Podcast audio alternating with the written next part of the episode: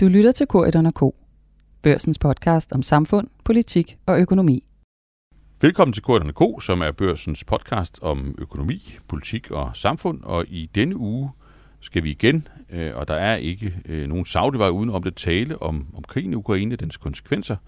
Og vi skal prøve at kigge på øh, det, der sker i Europa, øh, de store lande i Europa og, og i EU, hvor krigen jo sådan virkelig har haft en, en voldsom afledt øh, konsekvens ikke bare i, i forhold til, hvad vi kan blive ramt af, men også i forhold til, hvad vi gør, og han har sagt, hvem vi er, i forhold til at håndtere det her helt nye vilkår. Og til at prøve at forstå det og komme i detaljen med det, øh, der er jeg i, i meget, meget godt selskab. Øh, gæst er Lykke Friis, direktør for Tænketanken Europa, og vores europakorrespondent Louise Witt. Velkommen til jer to. Tak. Tak. Hvis nu vi starter med, øh, med dig, Lykke. Øh, altså, det er jo de store ords tid. Øh, øh, og, og, og altså, hvis man sådan hvis man lavede lidt, lidt sådan AI-research på brugen af ordet historisk i spalterne, så ville man sådan virkelig få, tror jeg, et, et, et tungt udslag. Øh, du, du, har sådan, du ser nøgternt på tingene, altså, og, og er vant til sådan at måle ting op imod hinanden. Hvor stort er det, der sker for, for Europa lige nu, og hvad vil du sammenligne det med? Jamen, jeg vil sammenligne det med 1989, Simpelthen fordi, at 1989 jo var et øh, politisk jordskæld. Det var tektoniske plader, der forskubbede sig. Mm.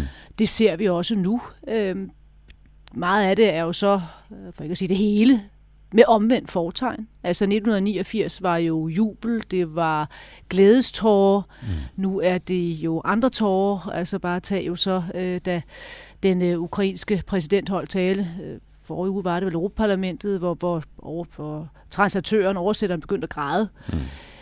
Men det er jo det samme forstået på den måde, at vi, får et, vi går fra et Europa til et andet. Dengang var det jo så et, hvor man kunne optage de centrale og østeuropæiske lande, man kunne genforene Tyskland. Det udløste jo en, en voldsom stor dynamik med det ene topmøde efter det andet, i traktatændringer osv. Mange dengang troede jo så, at øh, jeg tror, den lærer 1989, at det så var, øh, historien var forbi, mm. øh, at det var demokratiet, der havde sejret, alle de der ting og sager, men det var jo aldrig den rigtige lærer 1989. Læren var jo, at mens man allermindst venter det, mm. så kan der ske noget fuldstændig uforudsigeligt. Mm. Sådan var det med 89, og sådan har det jo også været med det her. Ja. Altså, vi to har jo også siddet og diskuteret Olaf Scholz og det ene af hvilke udfordringer står han over. Jo, det kan da godt være, at vi har... Jo, vi kan huske, at vi var inde på Nord Stream 2, og vi talte mm. noget energi. Men vi sad jo heller ikke og talte om, at nu kommer der en invasionskrig. Nej. Og det har vi så nu. Mm. Og det udløser jo så lidt tilsvarende samme dynamik, som man så i 89, mm. med en acceleratoreffekt, når man ser på, på EU's integration. Og sådan har det jo altid været med kriser, at det er det, der rykker mm. EU-samarbejdet. Når du nu siger acceleratoreffekt, er det, altså, jeg sidder med sådan en oplevelse af, at, at den acceleratoreffekt, det er sådan lidt ligesom sådan en, en trykbølge efter en eksplosion, ikke? At, at, at først, først er der sådan lige et, et moment, hvor man tænker, det var der ikke noget særligt, og så, og så, og så, går der, så kommer der virkelig et, et, et, et brag. Er det også din oplevelse af det, der er sket her? Altså, at, men, at i krigens første døgn, øh, der kunne det sådan i hvert fald set, set udefra godt virke som om, at der var sådan en, en, øh, en apati, eller i hvert fald en, en, en, ikke en vilje til at samles om rigtigt at gøre noget virkelig anderledes. Altså en første sanktionspakke, der, der jo ikke rigtig bed, og, og vel også, heller også nogle europæiske lande, der vil, altså det var jo business as usual i et eller andet mm. omfang. Og så er der kommet sådan en, en enorm trykbølge. Er, er der sådan en risiko for, at, at, vi sådan, at vi faktisk ikke engang endnu helt som danskere har forstået, hvor store forandringer der er, er på vej i Europa? Er det din vurdering? Ja, det er helt klart min vurdering. Ja. Og det kommer vi allerede til at se øh, nu her, jo så, hvor der er topmøde i Versailles, øh, mm. hvor der bliver sat alle mulige nye initiativer øh, i søen. Når jeg så brugt ordet accelerator, så er det jo netop for at sige, at de initiativer, de var jo sådan set allerede på vej. Altså mm. tage hvordan vi skal reformere vækst- og stabilitetspakten. Vi bliver nødt til at have noget, noget mere fiskal kapacitet, som det hedder forfærdeligt, men med et forfærdeligt ja, EU-udtryk. Flere penge. Flere penge. Ja. Vi var nødt til at gøre mere for vores eget forsvar. Altså, det er jo ikke sådan, at, at diskussionen om EU's forsvarsdimension, den lander øh, i indbakken øh, dagen mm. efter, at Putin mm. øh, laver sin invasion. Mm. Man var jo allerede i gang. Mm. Tilsvarende var man jo også i gang med at omlægge sin industripolitik, eller sætte industripolitik på dagsordenen, fordi man jo havde kendt i forbindelse med coronakrisen, at øh, man var alt for sårbar, alt for sårbare forsyningskæder osv., og derfor var man jo i gang med at sige, at vi skal have nogle European Champions, vi skal have ja. en egentlig industripolitik ja. osv. Men det, der bare sker nu, det er, at de ting, man allerede var i gang med, der trykker man så speederen i bund. Ja. Og din analyse lige i starten er fuldstændig korrekt. Det der med, at man lige tænker, nå jo, men, men kommer der nu den der reaktion eller? Men det er fordi, de havde lavet en drejebog, og det ved jeg, fordi jeg har dykket ned i det tyske mm. hvad skal vi sige, forløb og, og set på de, alle de mange rekonstruktioner, der allerede er blevet skrevet i, i tysk presse, og også talt selv med, med en række mennesker. Og der sker der jo det, at man har jo lavet den drejebog, og den er jo så koordineret fuldstændig mellem de europæiske lande, selvfølgelig også med, med USA, med Kanada osv. Hvad gør vi, mm. hvis han begynder at røre på sig? Mm. Og, og det er man jo så enige om, og det er jo også det med, så skal øh, Scholz, han skal jo trække Nord Stream 2, altså gasledningen når det virkelig begynder at se, se brændsligt ud, som tyskerne mm. vil sige, at man kan se, at nu, nu sker der noget. Mm. Det gør han jo så også. Og så skal man jo så ty til nogle sanktioner. Mm. Men så viser det bare, at det jo, de har jo troet for de fleste, at det var det der, ja, så gik han ind i, de der, i Dohansk og, og Donetsk og Luhansk, og så gik han jo ikke så meget videre. Ja. Og så går han så hele vejen. Og mm. det udløser så, ikke mindst i Tyskland, erkendelsen af, det her er noget helt andet. Og derfor allerede om torsdagen, hvor, hvor jo så invasionen starter tidligere om morgenen, der beslutter Olaf Scholz sig for, at han om søndagen skal holde sin tale. Der ved han godt, hvad det drejer sig om. Ja, men han ved ikke, hvad han skal sige. Okay. Og der begynder tingene jo så at tage fart. Øh, også det pres, Tyskland jo så også bliver udsat for, simpelthen fordi at man kan se, at, at, at det her det er meget mere alvorligt. Så vi kan ikke bruge den drejebog. Så der går ikke meget mere end en halv dag, så ryger drejebogen øh, ned i, i skraldespanden. Også fordi på det topmøde, der så finder sted, øh, så nærmest natten der mellem torsdag og fredag, der kommer øh, den, den ukrainske præsident Zelensky jo, og de mennesker, jeg har haft mulighed for at tale med, og så også øh, den, de har kunne læse om det, det, det skulle have været en ekstrem emotionel seance, mm. hvor han bliver, kommer op på en stor videoskærm og dybest set siger til EU-stats- og regeringschefer, det kan være, at I ikke ser mig igen. Mm. Og det er altså også med sådan for alvor at sætte nogle ting, nogle ting i gang. Og så får du altså det der totale ændringer af, af drejebog med massive hårde jo så sanktioner, og så med Scholzes, ja, der kan vi jo i hvert fald godt bruge ordet historiske tale. Mm. Det vil vi, altså den her, øh, det her tyske forløb vil vi, vil vi rigtig gerne øh, forstå endnu bedre. Vi skal lige prøve, altså lige prøve at spørge dig, Louise Witt. Øh, øh, smager det også 1989 i Bruxelles? Det smager i hvert fald af noget, der er, ja, historisk er jo et slidt ord, og simpelthen fuldstændig til uset. Selv for gavede kræfter her i Bruxelles er der sådan lidt en fornemmelse af, man går og kniber sig i armen. Jeg, jeg hører mange, både diplomater og andre EU-kilder sige, vi går stadigvæk og prøver at fatte alt det, der er sket på så kort. Det er som om, man næsten er sådan lidt overvældet over, hvor hurtigt det egentlig er lykkedes at handle. Altså normalt tager en enkelt sanktionspakke jo uger eller måneder at få igennem. Nu har man altså lavet fem pakker på to og en halv uge. Øh, der er taget den her beslutning om, at ukrainere kan bo og arbejde i Europa, som jo også er noget migrations- og asylpolitik, der ellers har været ekstremt betændt og omstridt og vanskeligt. Øh, der er i går fremlagt beslutning fra EU-kommissionen øh, om at udfase russisk energi. Der er igen hjælpepakker, statsstøtte på vej. Der er en ny sådan, øh, aktivistisk energipolitik, hvor man åbner for prislofter og markedsindgreb. Altså, det er jo så en lang række af ting, man for tre år siden aldrig havde troet mulige. Så øh, jeg har også gået med den her fornemmelse af sådan tektoniske plader, som Lykke også nævnte. Altså, vi har slet ikke nået at fatte omfanget endnu af alt det, der er ved at ske. Men så lad os prøve at, at, at hjælpe hinanden og, og dem, der lytter med, med at, at i hvert fald komme skridt længere den retning. Måske først ved at tage et skridt tilbage, Lykke. Du, du siger, du har kigget nærmere på rekonstruktionen af, hvad der er sket i, i Tyskland. Øhm, kan du fortælle os lidt mere om det, og kan du måske svare os på, altså er det rigtigt? Altså igen, sådan set noget længere udefra end, end, end dig, så ser det jo ud som om, at Tyskland igen, igen, igen har haft sådan en, en afgørende betydning øh, for, hvad der, hvad der så bliver mønstret i, øh, i reaktionerne i resten af Europa. Altså det, at, at, at Scholz virkelig, virkelig flyttede på sig, øh, og vel i virkeligheden øh, handlede markant for første gang som kansler, øh, men så til gengæld også meget markant. Øh, altså, det har han heller ikke været så længe, kan man sige. Det kan du sige, det er rigtigt. Øh, men altså, er, er det rigtigt forstået, at det, at det igen er tyskerne, der har sat rammen for den her, at den her accelerator, den er blevet trykket så hårdt i bund? Øh, eller er det mere nuanceret billede? Og hvordan er det egentlig foregået? Ja, i hvert fald må man jo sige, øh, for måske at foruddiskutere noget her, at jeg tror ikke, at øh, den danske statsminister vil have udskrevet en folkeafstemning om forsvarsforbeholdet øh, og har haft hele diskussionen omkring de 2 procent, Danmark skal bruge 2 procent i BNP, hvis Olaf Scholz øh, havde lavet noget andet øh, mm. forrige søndag. Nej.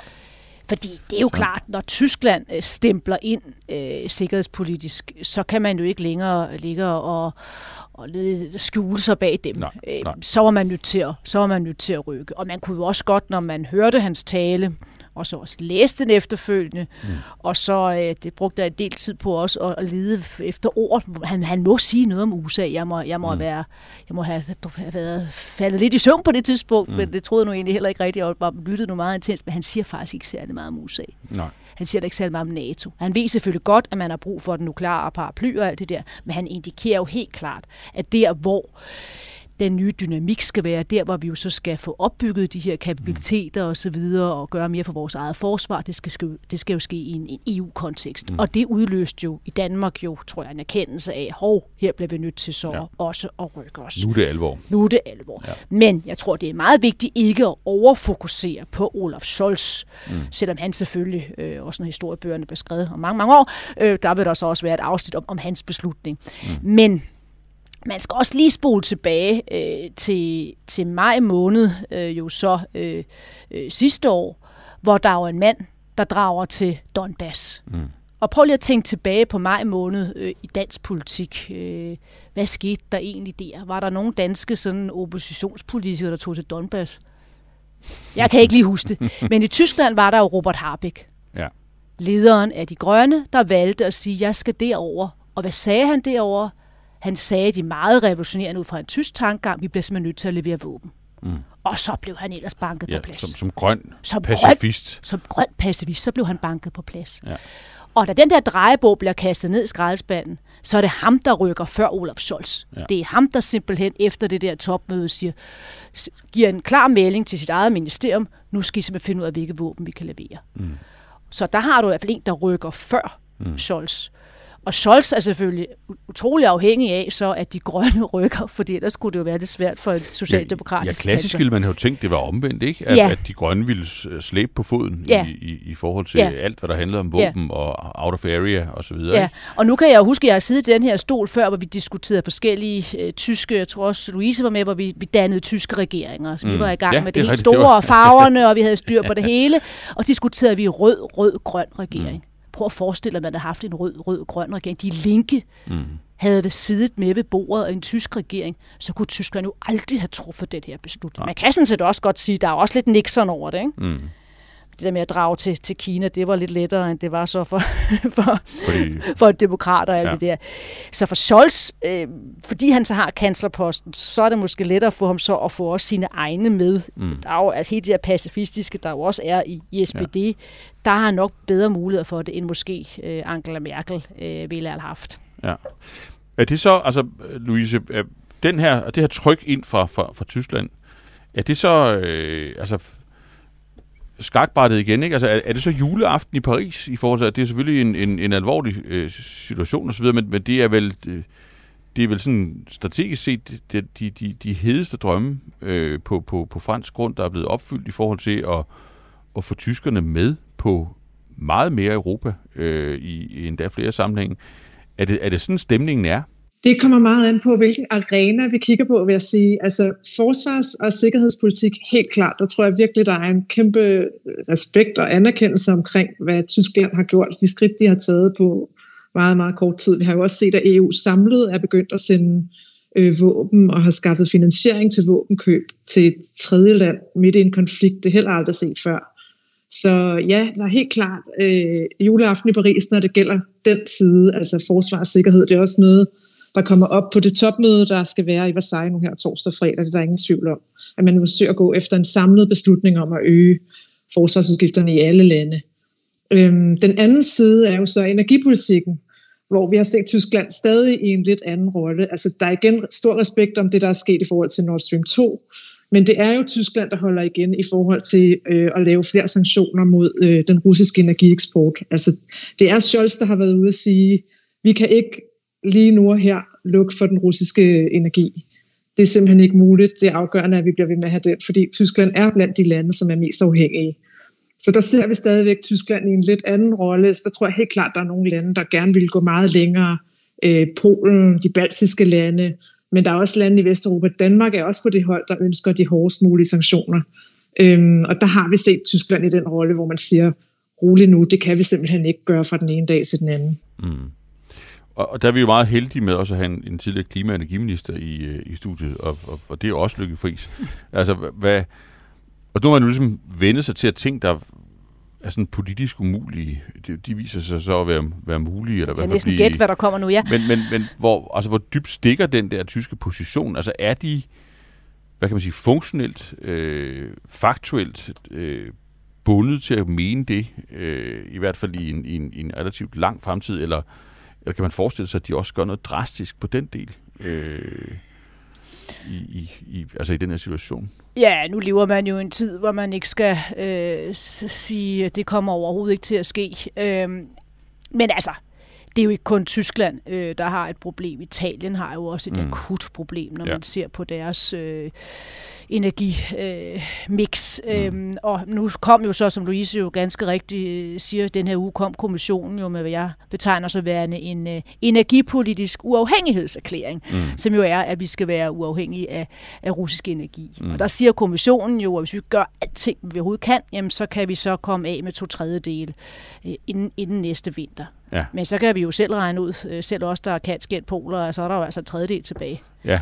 Og hvad gør vi så lige der? Det gælder ja. jo altså også dansk erhvervsliv, altså ja. øh, tysk erhvervsliv, italiensk erhvervsliv. Hvad gør vi så? Mm. Altså, de er jo allerede nede og diskutere alt det her med, altså, hvem skal, så ikke have, hvem skal så ikke have energien, hvem skal ikke have gassen, mm. øhm, og hvordan kan man hjælpe hinanden, og hvis det virkelig, altså man skal jo også passe på, at man ikke kommer i en lignende situation som under coronakrisen, hvor vi bekæmpede hinanden med, at hvem, hvem kunne få flest øh, mm. masker, ikke? Mm. altså øh, hvis der nu folk fryser, og hvis der mangler energi, øh, beholder landene så energien selv, og så videre. Altså, det er virkelig nogle, nogle meget, meget øh, alvorlige ting, vi er ude at diskutere, også for europæisk økonomi, og så skal man jo også have med, det der er den tyske analyse, det tror jeg måske nok også en generel analyse, men det er det, der kommer til at være langvejt. Mm. Og hvis det er rigtigt, skal man så starte med så at sige, nu går vi så fuld Monty mm. og tager så den fulde energiembargo over for Rusland, og får så altså det her med, at vi mangler energi, vi får totalt eksplosiv priser og så videre, øh, måske også social uro, fordi der er nogle mm. lande, der simpelthen bliver så hårdt ramt.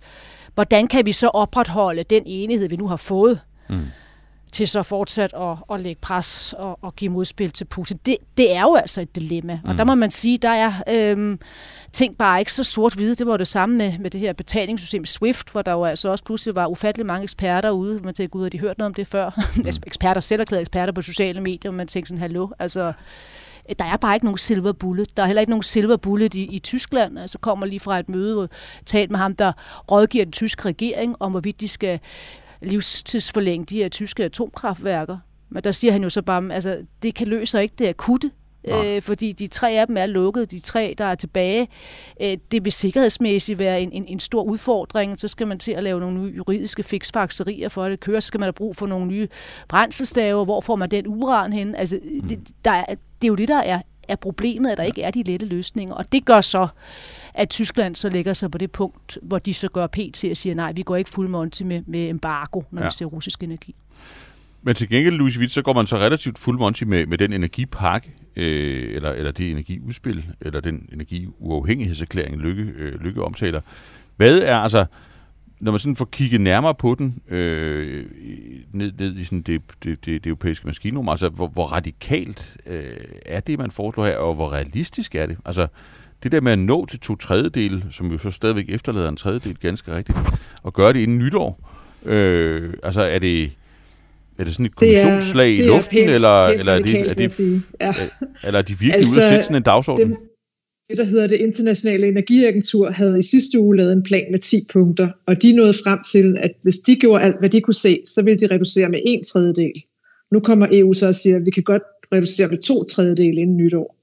Så det er radikalt. Det er en ekstremt høj ambition, og vi har jo set allerede gennem en del år nu, at der har været enighed om, at man skulle lave grøn omstilling. Der er penge på vej ud, der har masser af lovforslag sat i søen, men det går jo bare ikke ret stærkt. Det er ikke noget, man bare lige kan gøre på en dag eller to, som Lykke også siger. Altså, det bliver lynhurtigt meget tørt og teknisk med øh, regulering af renovationsstandarder for bygninger og øh, placering af havvind, øh, havmiljø, havvindparker, vandmiljøregler, alle mulige tekniske ting kommer jo til at spille ind i det her. Så lige så flot det kan lyde politisk at sige, nu skal vi reducere uafhængigheden, lige så besværligt bliver det lynhurtigt, når man kommer ned i detaljerne.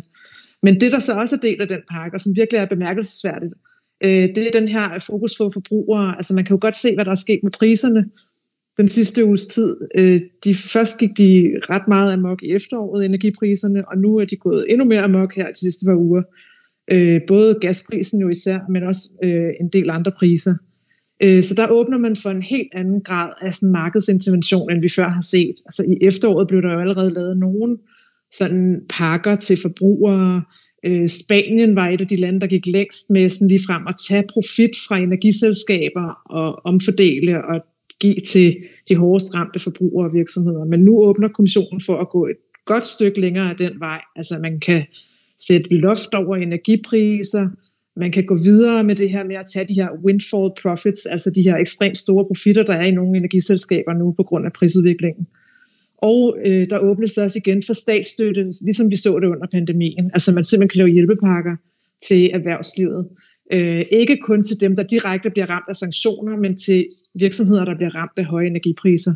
Og der er det jo nærliggende at spørge, altså, hvem er det? Det vil jo være stort set alle. Det kan lynhurtigt blive ekstremt dyrt, hvis man skal til at over lang tid, som, vi, som vi talte om før, krigen kan jo blive langvarig. Skal vi så de næste mange år frem øh, subsidiere erhvervslivets øh, energiforbrug? Det kan lynhurtigt blive en rigtig dyr omgang. Mm. Men lad os lige komme tilbage til, til pengedelen, men, men for, for så vidt angår energipakkens øh, sådan videre skæbne, altså, er den, altså kommer den til at flyve? Er der, er der, øh, vil man, er det, bliver det en af de, de beslutninger, godt nok peger du på, der er sådan en risiko for at køre, køre fast i mudder, når det bliver teknisk og praktisk, men, men er der sådan politisk, øh, er der politisk sådan, øh, momentum bag den i Bruxelles? Er, er, er medlemslandene klar til at trykke igennem? Det tror jeg helt klart, der er også i landene. Den kommer op nu her på det topmøde, der skal være i Versailles. Jeg tror, jeg tror helt klart, forventningen er, at der vil være Øh, de, det, det er et uformelt topmøde, fordi det foregår i Frankrig, så man kan ikke sådan formelt beslutte noget, men der vil komme en politisk erklæring, hvor man bakker op om det her med at udfase den russiske energi. Spørgsmålet er jo så, hvor hurtigt det kan ske. Øh, kan det ske allerede til nytår? Jeg tror, man vil gøre alt, hvad man kan. Ingen tvivl om det, men det bliver en kæmpe stor opgave. Ja, og man blev også øh, nødt til at gøre noget, for nu sidder vi jo lidt her, eller jeg gjorde, øh, og spekulerede over, hvorvidt Scholz han ville lave den her, være med på en embargo eller ej, men, men det jeg jo ikke sagde, det var, hvad, hvad Putin kan finde på at gøre. Præcis. Øh, og, og det kan jo også, det kan man, bliver man jo nødt til at have en plan for, mm. at han så pludselig siger, så får I bare ikke, nu lukker jeg øh, Nord Stream 1. Mm øh, så har vi jo et problem, mm. øh, der er akut. Så derfor bliver man nødt til at handle nu øh, mm. på, den, på den akutte bane. Det, der jo så bliver udfordringen, det er så at det er frasen fra, fra politikerlivet, var jeg lige ved at sige, at have det lange lys på, ikke? så man så ikke kommer til at gøre et hav øh, dumt på den korte bane, mm. fordi nu bliver man nødt til øh, at, at, at handle, og, og så pludselig begynde at bygge nye kulkraftværker, eller hvad det nu kunne være. Mm. Altså, og, og der er jo et, et, et, også der jo et dilemma. Øh, det andet, den anden, jeg lige har, har talt med i dag, øh, det er så en af Italiens førende eksperter inden for det her felt, og han mindede mig om noget, øh, som jeg jo burde kunne huske, men som jeg havde glemt, at vi havde jo krigen i Libyen for ikke så for mange år siden, hvor jo så Italien pludselig stod og manglede 33 procent af deres energi. Mm. Fordi der ligesom var den her konflikt i Libyen. Hvad gjorde de så? Jamen, så ringede de jo til Rusland. Ja. Og så at det er jo derfor, de nu er i den møjs situation. Øh, og, og der skal vi jo altså også lige passe på, at vi så ikke kommer til at, at pansætte os selv, eller mm. støtte nogle regimer, som vi jo heller ikke deler værdier med, fordi den her konflikt er jo sådan set også en konflikt mellem demokratier og autokratier. Så hvis nu vi siger, okay, nu er det simpelthen bare Katar og Saudi og Azerbaijan og så videre, vi så går i gang med at købe energi fra. Mm. Hvad så? Altså, så, så det, men, men problemet er jo bare, at man kan ikke lige knipse med fingrene, og så, og så lige omlægge sin, sin energipolitik. Og det er klart, der er Tyskland og Italien jo i nogle, nogle helt skrækkelige øh, situationer. Og der må man så sige, at den tyske situation er jo særlig jeg vil næsten bruge udtrykket deprimerende, øh, fordi at tyskerne jo havde den vision, øh, som vi går helt tilbage til kansler Willy Brandt i, i 70'erne, at det var jo øh, vandel durch handel. Når man mm. handlede med hinanden, så opbygger man en gensidig afhængighed, som gør, at så vil man ikke udløse konflikter eller mm. sidste instans krig. Det, der nu bare er sket, det er så, at man har fået viklet sig så meget sammen, mm at Putin, han alligevel siger, at han, han, han, han, han er, vel, vel, er villig til at gå i krig. Men så er Tyskland så blevet så afhængig af, af russisk energi, at man faktisk ikke kan stoppe, øh, hvad der jo typisk set er finansiering af den russiske krigsmaskine. Mm. Altså, det er virkelig noget, hvor, hvor tyskerne og de tyske, de tyske politiske elite sidder og, og gør og tænker, hvordan landte vi lige der? Ja. Og det er klart, der er det, der er det jo så lidt lettere, kan man sige, for de grønne, fordi de, de har ikke så meget medansvar af det her, så de kan i højere grad gå ud og sige, vi bliver simpelthen nødt til at gøre op med fortiden, og vi vil gøre mm. noget nyt, og så videre, og så videre. Ja. Ikke? Men, men andre har det lidt vanskeligere. Ja. Men jeg tror, vi ser jo allerede altså et stort politisk pres. Jo længere krigen varer, og jo flere grusomheder vi kommer til at se løbe over skærmen, jo større vil det politiske pres blive. Der er jo allerede de her forskellige opgørelser over, hvor mange hundredvis af milliarder vi i Vesten sender til Rusland hvert år. Mm. Hvordan det er mere end det russiske militærbudget osv. Jeg tror da, det vil blive i voksende grad politisk vanskeligt at blive ved med at opretholde den energihandel. Ja, ja, det, ja. det er Men du har fuldstændig ret i, der er ikke rigtig nogen anden vej, i hvert fald ikke på den korte bane. En anden ting er, at det vil blive rigtig interessant at se, hvordan forbrugerne reagerer. Altså hvis forbrugerne, hvis virksomhederne selv begynder at skrue meget mere ned, så kan der jo være en del besvarelser i det, hvis der bliver sådan en folkestemning af, at nu sparer vi lidt på varmen for Ukraine, eller hvad det nu kunne være. Vi øh, cykler mere, vi, altså lidt som sådan øh, oliekrisen i 70'erne med bilfri søndag og så videre der kunne jeg godt se for mig et potentiale i hvert fald for, det er selvfølgelig ikke noget, der, der batter hele vejen op til 100%, men der er jo øh, også adfærdsmæssige udsving i sådan noget her, som er meget svære at spå om. Ja. Hvis du må lige røre ved, altså I var jo sådan hen omkring det der med, at, at vi jo ikke helt kontrollerer tingene selv, faktisk slet mm. ikke kontrollerer tingene selv. Der er ligesom også nu den anden ende af den her ja. Ja. Øhm, hvis du må sådan bare, altså dobbeltklikker på det, I siger, altså, lad, altså gå ud fra, at Putin vil også følger med i europæisk presse. Øh, du mener, og, han lytter til den ja, podcast? Det vil jeg forestille mig, at han følger rigtig, rigtig tæt. Men, men, men, øh, men ud over den, altså siger man, okay, de, de vil gøre, hvad de kan for at skære to tredjedel af afhængigheden væk inden øh, nytår. Øh, så er det jo med at spille det kort, øh, mens man har det. Øh, og så dybest set begynder, altså lukker for gassen hver anden dag i Nord Stream 1, eller hvad Altså, hvad er sådan graden af europæisk parathed på sådan et ekstremt scenarie, hvor, altså, hvor, hvor, altså, hvor der eskaleres ikke fra vores side, men fra russisk side? Ah, at det, det er ved at, om ikke at være på plads, men så er der jo i hvert fald øh, de her nødplaner, der ligger klar. Ja. Altså igen, jeg kan udtale mig om den tyske situation. Øh, ja. Den, den har øh, Robert Harbeck, jo så ministeren, ansvarlig minister, ja. været i gang med at forberede et, et godt stykke tid. Mm. Øh, det er da bare ikke særlig behageligt, altså, fordi det kommer jo til at gå ud over nogle også virksomheder og så videre, og derfor er det jo det der med, hvordan man får det prioriteret. Øh, men, men det, jeg var lidt inde på før, det her med, at, at det kræver jo så også, at man er villig til at hjælpe hinanden. Mm. Og gas kan man jo, det kan jo flyde begge veje, og man ja. kan jo også lukke gassen til nabolandene. Ikke? Ja. Så det er det, der jo også er, er vigtigt, at man kigger hinanden dybt i øjnene og siger, øh, hvad var lige læren af coronakrisen? Det var, at øh, hvis jeg bøffer øh, de masker, der er på vej ned til italienerne, fordi jeg ønsker at have dem selv, som mm. Tyskland øh, og Frankrig, så er det ikke lige det, der er, er, er løsningen. Vel? Så, så den diskussion bliver jo også vigtig, at de kigger hinanden dybt i øjnene i Versailles. Ja. Det gælder også på europæisk plan. Altså, der er regnet rigtig meget på beredskab og forskellige scenarier her de seneste uger. De scenarier har også været drøftet mellem klima- og energiministre. Og meldingen har været, at vi er ok for denne her sæson. Altså uanset hvad der sker, inden det bliver sommer, så skal vi nok klare os. Vi har gas nok og energi nok på den helt korte bane. Men det er næste år det er næste og næste år igen og næste år igen, der er problemet. Øhm, der er også en del af den her energipakke, der er lagt frem, er jo, at man skal øge øh, lovkravet til lagerne, sådan så lagerne skal være fyldt 90 procent, inden det bliver 1. oktober og varmesæson igen. Mm. Øh, det er langt, langt højere, end de har været tidligere. Det kommer jo også til at ramme Gazprom, det russiske gasselskab, som også har lager i Europa, som er tæt på at være fuldstændig tomme nu her, hvad der er højst usædvanligt. Så hvis de skal følge loven i Europa, hvis den bliver vedtaget, og det gør den jo formentlig, så skal de også fylde de lager op.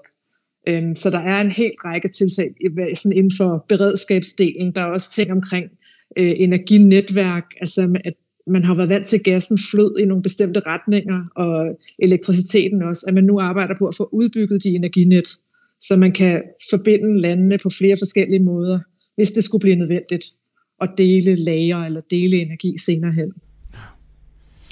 Ja, og der kan man sige, øh, nu vil jeg ikke påstå, at jeg på nogen som helst måde kan hoppe ind i, i hovedet på Vladimir Putin, men der var i hvert fald to ting, der var bekymringsværdige før det eskalerede, som, som dog kloge hoveder havde gjort mig opmærksom på. Det ene var, at han jo allerede var begyndt at bruge gashåndtaget, for vi mm. kunne jo se, at de lager, som Louise omtaler, at de var jo øh, meget øh, mindre fyldt, øh, så at sige, med gas, end, end de har været før. Mm. Så man, man fyldte dem simpelthen ikke op, øh, gaslagerne. Det var det ene. Og det andet var jo, at Putin under coronakrisen, hvor vi andre, vi postede penge ud til hjælpepakker og det ene andet. Det var ikke nogen kritik af det, men jeg siger mm. bare, der var jo bare, at nu, nu brugte vi penge, så pudede han det sammen. Mm. Så det vil sige, at han står sådan set, altså han prøvet på at polstre sig. Ja. Øh, så hvis han nu har haft en plan, det skal jeg ikke kunne sige, at man havde, men, men, men så har han i hvert fald haft mulighed for at polstre sig mm. op, til, op til det her. Ja. Og derfor kan man sige, når folk siger, at han ikke vil bruge øh, det gashåndtag, så vil sige, det har han jo allerede gjort. Ja. Så hvad skulle egentlig afholde ham fra at gøre, fra at det, gøre igen? det igen? Se, Lykke taler om, om en accelerator, øh, Louise taler om arenaer. Den arena, der hedder økonomi, er den også accelereret? Altså betyder, er det en fuldstændig logisk følge af det her, øh, at den lange, træge diskussion om spilleregler for europæisk økonomi, altså hvor store må underskuddene være, hvor meget gæld skal man stifte i fællesskab, hvor meget skal man øh, hjælpe hinanden på tværs af landegrænser, er det bare helt givet og logisk øh, i Versailles eller snart derefter, at, at, at eftersom det her det bliver sindssygt dyrt, øh, og eftersom det ikke rigtig er nogle udgifter, man kan sådan løbe væk fra, øh, at, at, at så bliver det, øh, han er sagt, på den franske måde. Altså at der bliver langt videre rammer for at køre med underskud, og, og også endnu en gang øh, noget fælles europæisk gældstiftelse. Ja, vil jeg svare. Øh, nu tøede jeg en anelse, men jeg kan egentlig også bare svare ja. Øh, ja. Det var det her med den franske måde. Det, der opererer ja, ja, jeg jo selvfølgelig lidt. For, det vil være, ja, ja, fordi det vil... der vil det jo altid være et kompromis og så videre og så ja. videre. Men altså, jeg tror, at, at, at alt det, det, det, det, det, vi så det jo alle under coronakrisen. Der skete mm. jo ting, som man jo ikke troede kunne ske, at man optog gæld i fællesskab og ja. lavede den her genopretningsfond. Ja. Så det har man jo ligesom at prøve. Ja. Og allerede inden det her så indtræffer altså, at øh, Putin går ind i, i, øh, i Ukraine. Mm. Der er der jo, øh, jeg husker det tydeligt, den 23. december, øh, lille juleaften, når man er nørd, hvad gør man? Så sidder man selvfølgelig og læser Financial Times. Ja. Hvad skulle man? Ja, det er selvfølgelig også børsen, det siger sig selv. Ja, ja, men, først. men ja, ja, ja, ja, ja, det kan vi, det, ja, men jeg skal også læse nogle tyske, det vil jeg ikke komme i på. Nå, men anyway, og der har jo så Mario Draghi, den italienske øh, premierminister, og så Emmanuel Macron, den franske præsident, skrevet et indlæg. Mm. Og der skriver de jo allerede, vi bliver nødt til at se på vækst- og stabilitetspakten, fordi der er den der klimakrise, og der er brug mm. for at se på lidt, du kommer en hurtig udgave, noget grønt gæld, og sådan noget lignende, ja. hvor man ikke behøver samme regler, for den er god, den grønne gæld, den er god, og så er der noget, ja, der er dårligt. Den tæller ikke med. Ja, ja. ja. Øh, og, og, så er der også allerede, ja, måske skal vi også se på den her øh, genopretningsfond, om vi skal lave sådan en for noget ved klima. Mm. Og så vupti, så sker der den her katastrofe. Mm med, med, med Ukraine. Og så kommer acceleratoren jo, fordi det er noget, som der er jo nogle lande, der egentlig godt ville i forvejen. Ja. Og så har vi jo så nu Tyskland, hvor man jo bare må sige øh, meget banalt, at hvis man nu er, er gået hen og blevet finanspolitisk due i Berlin, mm. så er det lidt svært at være finanspolitisk hø i Bruxelles. Ja. Og det er jo det, der er Christian Lindners det er hans øh, problem. Den, den FDP's liberale øh, finansminister, som jo nu ikke alene har accepteret, at man kan lave en sonderformøgen, som det hedder. Det er sådan en særfinanslov. Det vil slet ikke være noget for dig, Bjørn. Det siger nej, nej, sammen. Nej, nej. Uden om den almindelige finanslov ja. til at lave klimaomstilling. Og nu kommer der så en ny sonder ekstra finanslov til at lave de der 2%, altså mm. investere i forsvaret. Ja. Altså, hvor er så gældsbremsen og sultenbremse, som det hedder på tysk, blevet af? Mm. Altså, og hvis man laver de fiksfakserier på national plan, mm. jamen så udløser det bare også en, en anderledes debat på, på europæisk plan. Men ja. når det så er sagt, men det kan Louise mere om jeg kan, så er det klart, så kan man jo ikke lige på Versailles-topmødet det er måske lidt ærgerligt, det skal være i Versailles, der, det giver sådan lidt underlig diskussion, når vi sidder med det historiske perspektiv. Ja. Men jeg vil lige stampe sådan noget op fra den ene dag til den. Altså, det tager jo selvfølgelig noget tid. Altså. Ja. Men, men Louise, hvad, hvad siger du til den konkrete proces? Altså, hvad er horisonten på det? Er det under fransk formandskab? Ej, jeg er enig med Lykke i, at det bliver ikke lige her og nu. Jeg har faktisk været en del sådan efter det i den her uge, fordi der begyndte at komme sådan strategiske læk rundt omkring i den franske avis Le Monde og andre steder om, at nu var det lige op over med en ny fond. Øhm, det tror jeg godt, vi kan slå fast, at det er det ikke. Øh, der er stadigvæk øh, kræfter. Der er jo den velkendte efterhånden sparebanden med Danmark, Sverige, Holland og Østrig. Mm. Og tyskerne, selvom de er blevet bløde, så er de ikke helt så bløde endnu det er ikke helt, øh, Lindner har i hvert fald været ude at sige, at det, bliver ikke, øh, det er ikke noget, der er på bordet nu. Øh, der er to argumenter. Det ene er, at vi har jo allerede en stor fond, som netop blev etableret under coronakrisen. 750 milliarder euro, som vi kun først lige er begyndt at bruge af nu. Øh, landene har fået de første udbetalinger, men der er masser af penge tilbage, og der er også en del lande, som ikke har taget de lån, de har ret til. Den er jo delt op, den her fond, i lån og støtte, og landene har kun taget støtten, ikke lånene. Mm. Så der er måske noget, man kan justere der omkring. Kan man komme tilbage og alligevel få nogle flere penge ud af fonden? Øh, kan man ændre lidt på kriterierne, så de måske bliver lidt bredere? Øh, ting i den dur det tror jeg er mere realistisk på den korte bane. Men altså, som Lykke også siger, ideen svæver rundt derude nu. Vi talte jo allerede om sidste gang, at når man først havde gjort det her en gang, så var skridtet nok lidt nemmere at tage næste gang. Og det ser vi også nu her. Altså, presset er der helt klart, og det kommer ikke til at aftage forløbig øh, for at lave denne her, øh, altså en fond nummer to, som så skulle have specifik fokus på forsvar og øh, energiomstilling. Og ja. der bliver det jo interessant at se. Øh, nu har vi jo så hørt en dansk statsminister, som rykker sig, har rykket sig på, på forsvarsforbeholdet, som indtil for nylig jo ifølge hendes optik jo ikke spillede den, den store rolle, det var vist pænt og diplomatisk øh, formuleret, men som jo har, som du var inde på, altså haft den klare holdning omkring sparebanden, at der, der lå vi godt og så videre, men, men at det er en position, man kan opretholde spørgsmålstegn, mm. det vil jeg tro er meget svært, for hvem er det, man er i bande ved, øh, men jo også tingene har jo bare rykket sig, mm. øh, og nu står man jo med nogle helt andre øh, udfordringer. Vi øh, nævnte Louise jo for, for et stykke tid siden det med, at man jo har formået at lave en... Øh, et direktiv, eller vedtage et direktiv, øh, aktivere det omkring midlertidig beskyttelse af alle de her mange mennesker, der kommer fra Ukraine. Og så vil jeg godt, der er nogen, der tænker, om det er sådan set meget godt også med, med arbejdskraft, og det er det jo vidderligt også. Tyskerne er jo allerede ved at lave store portaler for at se, hvordan man kan få, få hyret de ukrainer til der, hvor de jo mangler arbejdskraft. Men der er jo også nogen, der, hvor, hvor strømningen, hvor strømmen bare bliver så stor, og mm. skal polakkerne betale det alene, spørgsmålstegn. Mm. Der kigger man jo så også på at finde nogle ekstra penge, så der kommer bare nogle, nogle helt andre udgiftsbehov, øh, end, ja. da, end da vi havde diskussionen omkring EU's budget for, for nogle år siden. Ja. Men lad os runde den af der ved at, at tage den, han er sat hjem til København, altså kongerigets positionering øh, i, i Europa. Vi, vi så jo altså i, i weekenden, altså vi, nu skal vi til folkeafstemning igen, der vil nok være godt bud efter EU-eksperter lykke i de kommende øh, tre måneder, tror jeg helt sikkert. Jeg kommer gerne igen i den stol. det, ja, men det er vi altid glade for.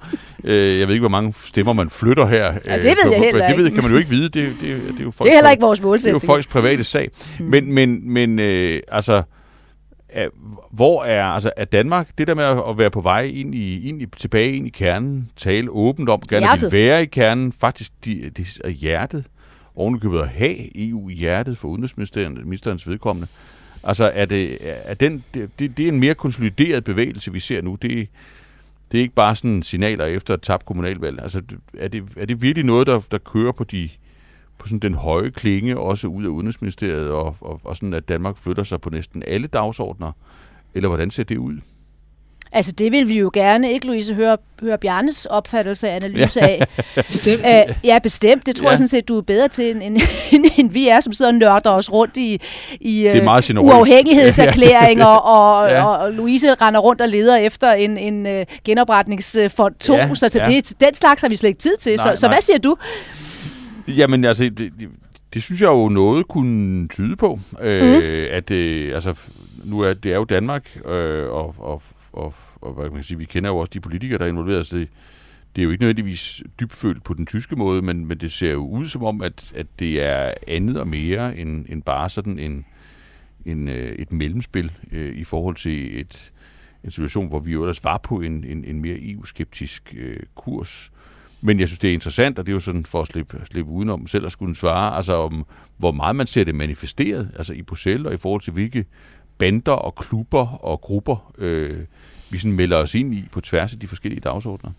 Altså, hvis jeg skal, øh, skal svare først, altså, der er ikke nogen bande mere. Altså, Nej, det, øh, findes, det, ikke mere. det findes ikke mere. Nej. Altså, øh, Østrig har jo øh, Kurz, Sebastian Kurz er der ikke mere. Øh, Mark Rytte er der ganske vist for Holland, men, men, øh, men, men han har fået en, ny, regering. en anden regering, ja. en ny finansminister. Situationen er bare en helt anden. Så ja. jeg tror heller ikke, at vi skal forvente, at statsministeren vil, vil, vil, vil bruge det udtryk igen, altså Nej. omkring øh, sparebanden. Det, det er min vurdering. Så vil jeg så sige, øh, at statsministeren jo sådan set allerede begyndte at bruge retorikken om hjertet et godt stykke tid før det her. Ja. Og det gjorde hun jo øh, på Udenrigspolitisk Selskabs øh, jubilæumskonference øh, den 29. oktober, hvis jeg husker ret. Øh, jeg er ret sikker på, at det var det omkring. Mm. I hvert fald, hvor hun første gang brugte udtrykket. Og så mm. kom det jo så også i nytårstalen, så, så det opfattede jeg lidt som, at okay, der var også et behov for at justere den der... Ja, der taler om en normalisering. Ikke? Ja, der var, ja. der var behov for at justere den der kritik, der var mm. øh, fra nogen i hvert fald, øh, om at sige, at det var den historisk mest EU-skeptiske statsminister, man havde haft. Jeg kan ikke gå ind i, om det var rigtigt, men jeg tror, hun, jeg tror, der var et behov for at justere. Mm. Og det tror jeg har været, fordi man nok kunne se nogle af de her ting. Altså igen, når vi taler om acceleratoren, så kunne man jo allerede se, at der var... Ja, der har ligget notater fra Udenrigsministeriet, som ja, præcist ikke? har beskrevet, at nu kørte toget, ikke? Det, ja. ja. Tog, det kan jeg ikke lide det billede, Nej. fordi det, det, det, er jo tilbage i den gamle EU-debat. Men ja. lad det nu ligge, ja. Det, det, vil jeg, det vil jeg tro. Mm. Men så kommer det jo selvfølgelig, at det bliver jo virkelig afgørende, øh, hvad, hvordan regeringen så positionerer sig nu, mm. frem mod den 1. Øh, juni. Mm. Gør man det, som man ofte har gjort, når man har en folkeafstemning, at man så kommer med alle mulige besværgelser. Mm. Unionen er stendød. Der kommer ikke mere union, hvis I stemmer ja til, til Amsterdam-traktaten. Det var for lige to, jeg kunne huske. Ja. Det var for begge fløje, både for blå, ja, blå, blå, blå for rød. En til, en til hver ja, der var, der var en til hver. Det var, ja, ja. Det var, det var, det var, det var elegant. Ja. Gør man det, så bliver det godt nok svært, for der vil jo simpelthen komme så meget, hvis Louises, så min analyse er korrekt, og det mener vi naturligvis, at det her det er acceleratoren, så det vil sige frem mod 1. juni, der skal Louise ud og lede efter ufattelig mange nye forslag, der, og dem finder hun jo, fordi de vil komme. Mm. Der vil være nye topmøder, ekstraordinære topmøder, og det ene og det andet. Der vil ske ting på udlændingepolitikken, mm. altså inden for EU-regi. Der vil komme noget af det her omkring pengene. Mm. Øh, og hvis man der så står og siger, det, det, det, det benægter, det sker, eller siger, det vil slet ikke være med i, så kommer man til at stå og, og gentage nogle af de ting, øh, med, ja. som, man, som man har gjort før. Så det vil være ekstremt afgørende. Der kunne man jo godt lige skyde ind her, um, nu skal man ikke komme med gode råd, men, men, men man kunne godt spørge til den der europolitiske aftale, mm. som man har arbejdet på, jeg vil lige vil sige, overvis. Ja det må man sige. Var det måske spørgsmålstegn ikke en god idé lige at blive enige om, hvad mener vi om nogle af de her ting, vi allerede lige har været inde på? Er vi fuldstændig går gun stadigvæk på, vi skal ikke have noget fæld, yderligere fælles gæld? Er vi helt med? Mener vi stadigvæk, at man ikke skal ændre vækst- og stabilitetspakten? Mm.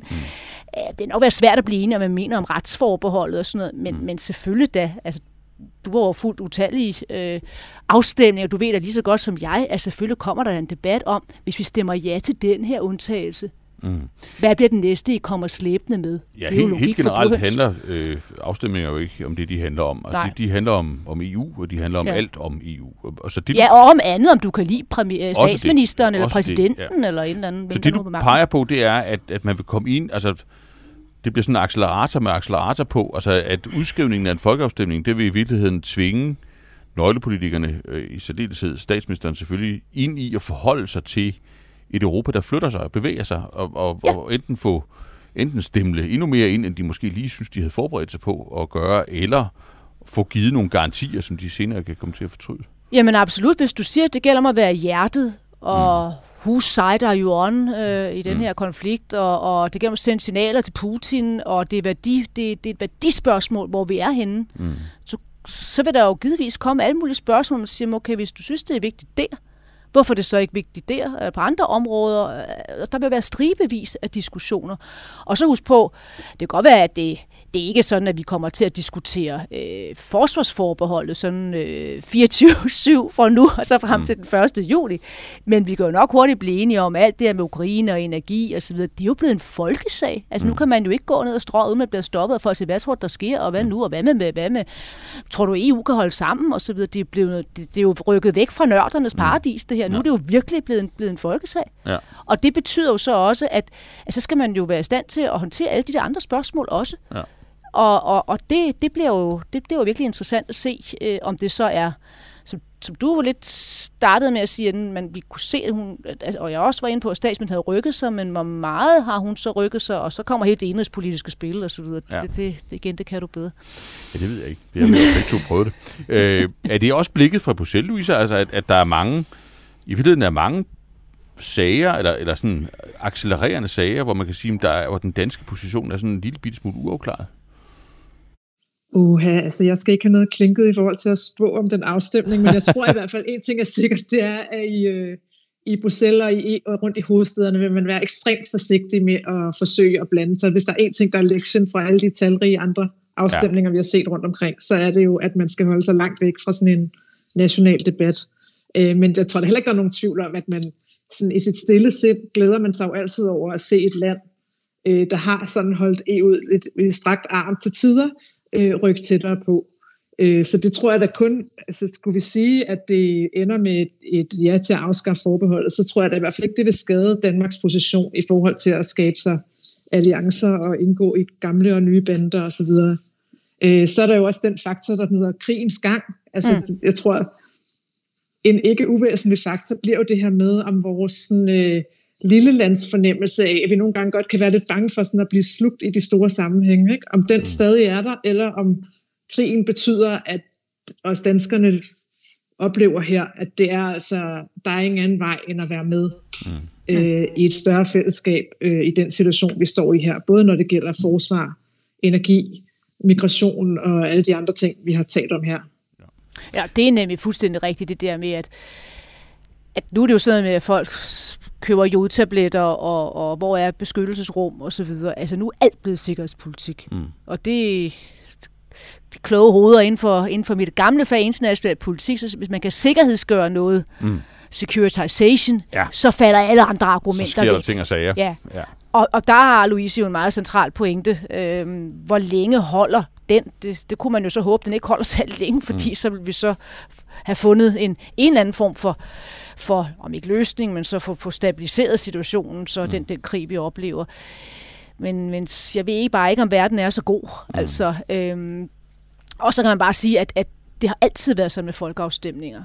At vi stemmer, fordi det det skal vi i henhold til, til, til, vores, til vores politik og i henhold til kalenderen, hvornår det passer osv., men den, det tidspunkt er jo aldrig afstemt med nogen andre end os selv. Nej. Og de andre sidder jo altså ikke og smækker benene op på bordet og siger, nu afventer vi lige, hvad, hvad I finder ud af omkring det der for, forsvarsforbold.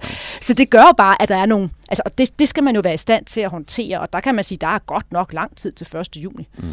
Øh, og så kan man selvfølgelig sige sådan rent... Øh, øh, når man så ser i kalenderen og er nørd, så kan man selvfølgelig huske, at der var et land, der stemte nej den 1. juni. Det var så hollænderne og forfatningstraktaten. Så kan man huske, at der var et andet land, der stemte nej den 2. juni, og det var så mm. Danmark i 1992, så lige inden 30 øh, års, års, års jubilæet, så at sige, for den ja. afstemning. Så er der afstemning. Men til gengæld kan jeg sige allerede her som reklame, at den 3. juni har jeg statsministeren, der redegør for, hvordan Europas situation er, for der skal hun tale Tænketang Europas store Europakonference. Så det, det er du inviteret det, til, det og det er du hellere, også, Louise. Det må vi hellere komme til. Ja. Øh, du får det aller, aller, aller, aller sidste spørgsmål. Du startede med 1989, mm. og der lukker vi også. Vil vi se øh, sådan det der spørgsmål om udvidelse af EU tilbage på dagsordenen seriøst? Nu er Ukraine selvfølgelig en helt særlig, særlig øh, spids og mærkelig øh, diskussion om udvidelse, men vil man generelt se en acceleration af, at, øh, at, at man igen seriøst åbner for at optage nye lande, der til gengæld søger ly hos os, øh, fordi øh, spilpladen har ændret sig? Vi ser i hvert fald, at det er på dagsordenen. Det er det jo også på topmødet, øh, hvor jeg min vurdering er, at man kommer til at sige, at man vil kigge på tre landes øh, ansøgning, øh, og det er jo så øh, Ukraine, det er Georgien, det er Moldova. Mm. Og dermed har man jo så gjort noget, som jo ikke nogen kunne se krystalkuglen, at man begynder at diskutere nye udvidelsesrunder i forhold til dem, som i forvejen sidder godt og grundigt fast. Jeg gider slet ikke komme ind på Tyrkiet, men man kan jo også nogle af landene, landene på Balkan. Men har også, lyse er altså stadigvæk den, at der er jo ikke noget, der hedder, der kan godt være, der er noget, der hedder instant coffee, men der er ikke noget, der hedder instant medlemskab. Nej. Altså, der er ikke noget fiksfakseri, du lige kan men, gøre. Vil vi så også se en, øh, altså en dansk vending der, fordi altså, min gamle chef, Poul Nyrup, det var jo noget, der optog ham enormt. Ja. Altså at lægge sig langt frem i bussen for at optage mm. de 12 øh, mm. lande, og Mm. Så har vi så haft en, hans partifælde med Frederiksen, som har sagt, det er sikkert noget pjat. Det, det skal ikke have mere bøvl med, ja. med, med nye medlemmer. Øh, får vi også en vending der? I, du mener Fredens Europa, som det jo så var med, med Østudvidelsen, der jo ja. i høj grad også rykket øh, Socialdemokratiet, ja. øh, og tilbage til Rit Bjerregaard, da muren falder. EU ja. er et spørgsmål om Tyskland, Tyskland, Tyskland, og bagefter kom så Fredens projekt, ja. og så alt. Ja, ja, ja, det kunne man jo godt, men det, det kræver også bare, at man hitter ud af... Øh, hvordan man så stabiliserer dem, mm. og, og kan man forestille sig, at altså, kan man forestille sig, at lande, et land, som er så altså undskyld, du ser på, på korruptionsstandarderne, altså hvordan, hvordan skal det kunne lade sig gøre at optage Ukraine? Prøv at se på de udfordringer, der har været med Polen og med, med Ungarn. Det har vi så lige glemt lige lidt i skyndingen, men, mm. men det er altså et ret stor udfordring. Så jeg tror, det mest interessante her, det bliver, om du får, og det havde vi jo også efter 89, den der debat om, hvorvidt at det skulle være det hele medlemskab tilbage til den mm. klassikeren om enten er man gravid eller, eller ikke mm. gravid. Man kan ikke være en smule gravid, men måske er det der, vi lander med mm. koncentriske cirkler. Og en så, kerne. Og en kerne, eller hjerte, eller kerne. Og jeg så lige Macron, han sagde noget her, øh, og det er der, man kan mærke, at man er blevet gammel. han sagde noget, jeg var tydeligt kunne huske, at Mitterrand også sagde, mm. lige efter muren var faldet. Netop om det her med det europæiske hus og rummen. Det behøver ikke alle sammen være det samme rum, men der kunne sådan være tilbygninger og det ene og andet. Det behøver jo ikke nødvendigvis at være det fulde medlemskab, vi mm. ser. Men man bliver nødt til at udvikle en politik, en ny ostpolitik, for at bruge et tysk udtryk. Det er der jo ikke nogen tvivl om, og det vil jo også være Olaf Scholz's store, for lige at slutte med ham, store udfordring. Nu har han jo ligesom om helt Willy Brandt ud med badevandet ved så at, at satse på, på, på forsvar og så videre. Men, men hvad med det, det gamle tyske tænkning om, hvordan vi får stabiliseret vores umiddelbare nærområde? Det skal han jo have et svar på, og der kommer Ukraine, Moldova og Georgien virkelig højt på hans dagsorden, og derefter selvfølgelig Rusland på en eller anden måde, afhængig af, hvordan det udvikler sig. Det var en, øh, altså virkelig, virkelig en, en, en afslutning, der ville noget. Tusind tak for at have gjort øh, i hvert fald mig meget klogere. Tak til Lykke Friis. Tak til Louise Witt. Tak fordi du lyttede med på K. Vi håber, du lytter med næste gang. Og indtil da, så giv os gerne en anmeldelse i din podcastplayer.